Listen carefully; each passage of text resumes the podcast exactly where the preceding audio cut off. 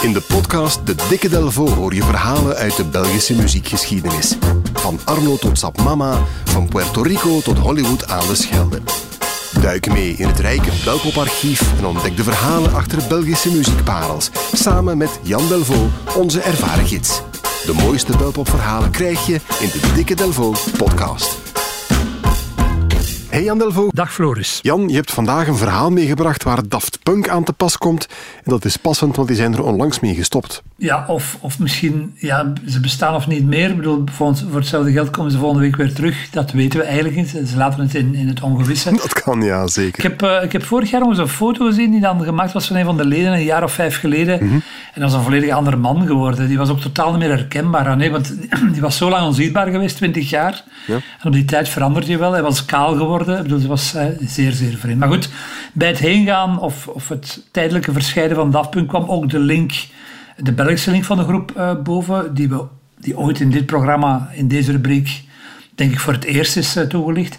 Namelijk de link tussen Daft Punk en, en Wiltura, want Thomas Bangalter, een van de twee leden van, van Daft die was, zijn, zijn eerste grote concert in zijn leven was Wiltura en Vorst Nationaal. Een belangrijk moment in zijn leven, want toen zag hij het licht. Hij zag voor de eerste keer heel veel volk die een artiest toejuichte. En dat had ermee te maken dat de pa van die Thomas Bangalter, Daniel Bangalter, dat hij heel wat nummers heeft, ge, de muziek voor heel wat nummers heeft gemaakt van Wiltura. Ja, niet alleen en, voor hem, hij heeft echt heel wat gedaan voor de Belpop scene, toch? Ja, ja, ja. Marva, Joe Harris, ja. Johan John Terra, zelfs John Terra. Dus bedoel, John Terra heeft een link met Daft Punk, fantastisch toch? Uh, dus dat had alles te maken met de nauwe samenwerking van Daniel Bangalter, de papa van, met uh, producer en songschrijver Jean Kluger, platenbaas, de man achter Marva, Tura en Verminne dus. En die twee ja, die hebben de, echt de, de zotste dingen gedaan. die samenwerking zou in de jaren 70 leiden tot echt alle, alle nummers op, op alle trouwfeesten eigenlijk. Hè. Ottawa, La Compagnie Creole en deze bom van de Gibson Brothers.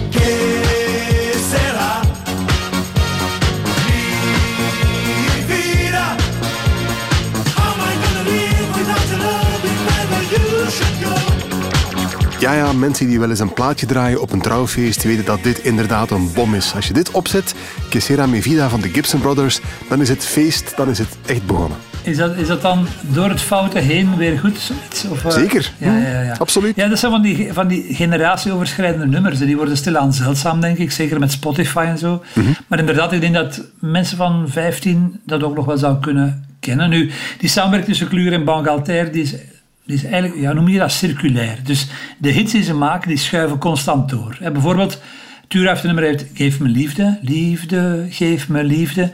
Dat is dan weer uh, een nummer van Ottawa, dat ze dan hebben uh, vertaald. Speel bouzouki, ken je dat? Speel bouzouki. ja, ja, ja. Dat is, uh, dat is een nummer dat de twee hadden gemaakt voor de... dat heet eigenlijk oorspronkelijk Disco Bouzouki, van de Bouzouki Disco Band. ja. en dan Mooi het leven is mooi, dat is een van de mooiste voorbeelden. Dat is eigenlijk al jaren eerder een, een hit geweest voor een zekere Tony Ronald, een, een, een, Nederlander die in Spanje was beland. En het origineel heet Help, Get Me Some Help. En pas twintig jaar later uh, is, het dan, is er dan een versie gemaakt voor Tura die Mooi het leven is uh, mooi. Dus die hebben een catalogus om, om je namiddagen lang mee te amuseren en om te zien waar alles naartoe gaat en hoe. Het is, het is redelijk onwaarschijnlijk. Nu, het mooie is ook, ze hebben niet alles weggegeven. Ze hebben ook dingen voor zichzelf gedaan. Ze hebben een aantal keer samengewerkt. Ze hebben een duo gevormd ook, Dan en Jonas. Also, een aantal heel maffe dingen gemaakt. Maar het allermafste moet ongetwijfeld deze single zijn uit 1971.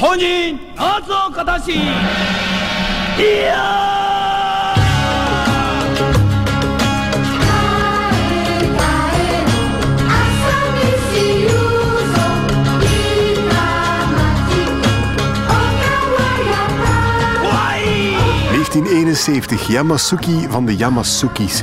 Daar hebben we het inderdaad al eens over gehad. Hè? Ja, jaren geleden heb ik al eens het verhaal eens opgevat, misschien in, in, een korte samenvatting.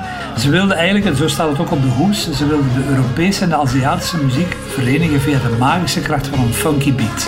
Voilà. Heerlijk. Het is een vreemd ding. Het is ook een grote hit geworden uh, in, in, in, in België. En een nog grotere hit wordt de B-kant. Die heet A-I-E-A-O-A voluit. En dat wordt een grote hit in de versie van Black Blood. En dat is weer een, een andere uitvinding van Jean-Claude.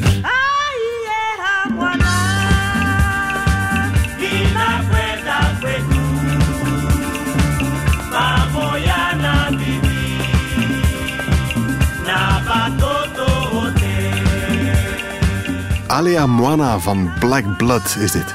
Ja, dat is de versie dan van Aiawa, vertaald dan vanuit het Europees-Aziatische naar het Afrikaanse dan weer. Alles kon in de wereld van, eh, van eh, Jean Clure. In de zomer van 1980 zijn er drie Britse meisjes die graag iets willen gaan doen in de showbusiness. Die eh, in het zuiden van Frankrijk dit nummer horen in een, in een discotheek. En ze vinden het een geweldig nummer.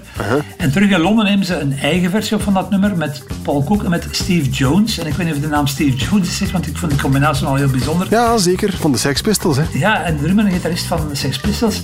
En die maken dan dit.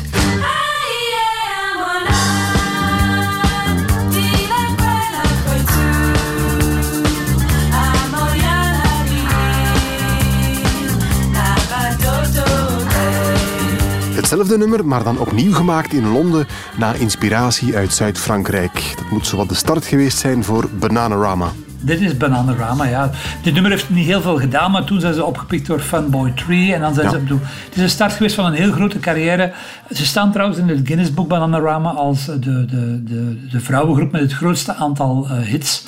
En ze bestaan nog altijd vandaag. Ze zijn een paar keer gestopt, maar ze zijn nog altijd wel, uh, wel bezig. Mm Nu, geheel tot mijn verbazing is het verhaal van Yamasuki niet gestopt, want sinds twee jaar, sinds 2019, staat er een tweede album van Yamasuki op allerhande streamingplatformen. Ze hadden een eerste gemaakt in 1971, dat heette Le Monde Fabuleux de Yamasuki. En nu is dus deel 2, Le Monde Fabuleux de Yamasuki 2, uh, eh, staat daar dus nu. Een heel bizarre plaats, ze klinkt modern, meer hè, alledaags, er zitten wat beatjes tussen.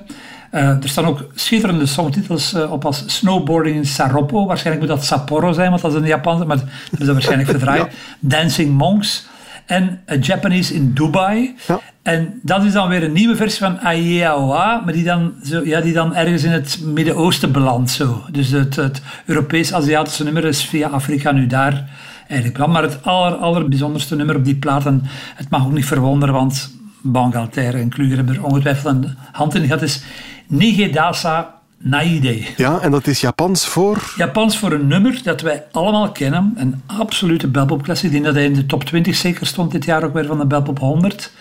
Een van de, van de grootste hits uit de jaren 70. Een van de grootste Nederlandstalige hits. Ook gecoverd door Clouseau. En nu geef ik misschien al te veel weg. Want het is zo'n nummer waarvan ik denk van... Luister en je gaat het ontdekken.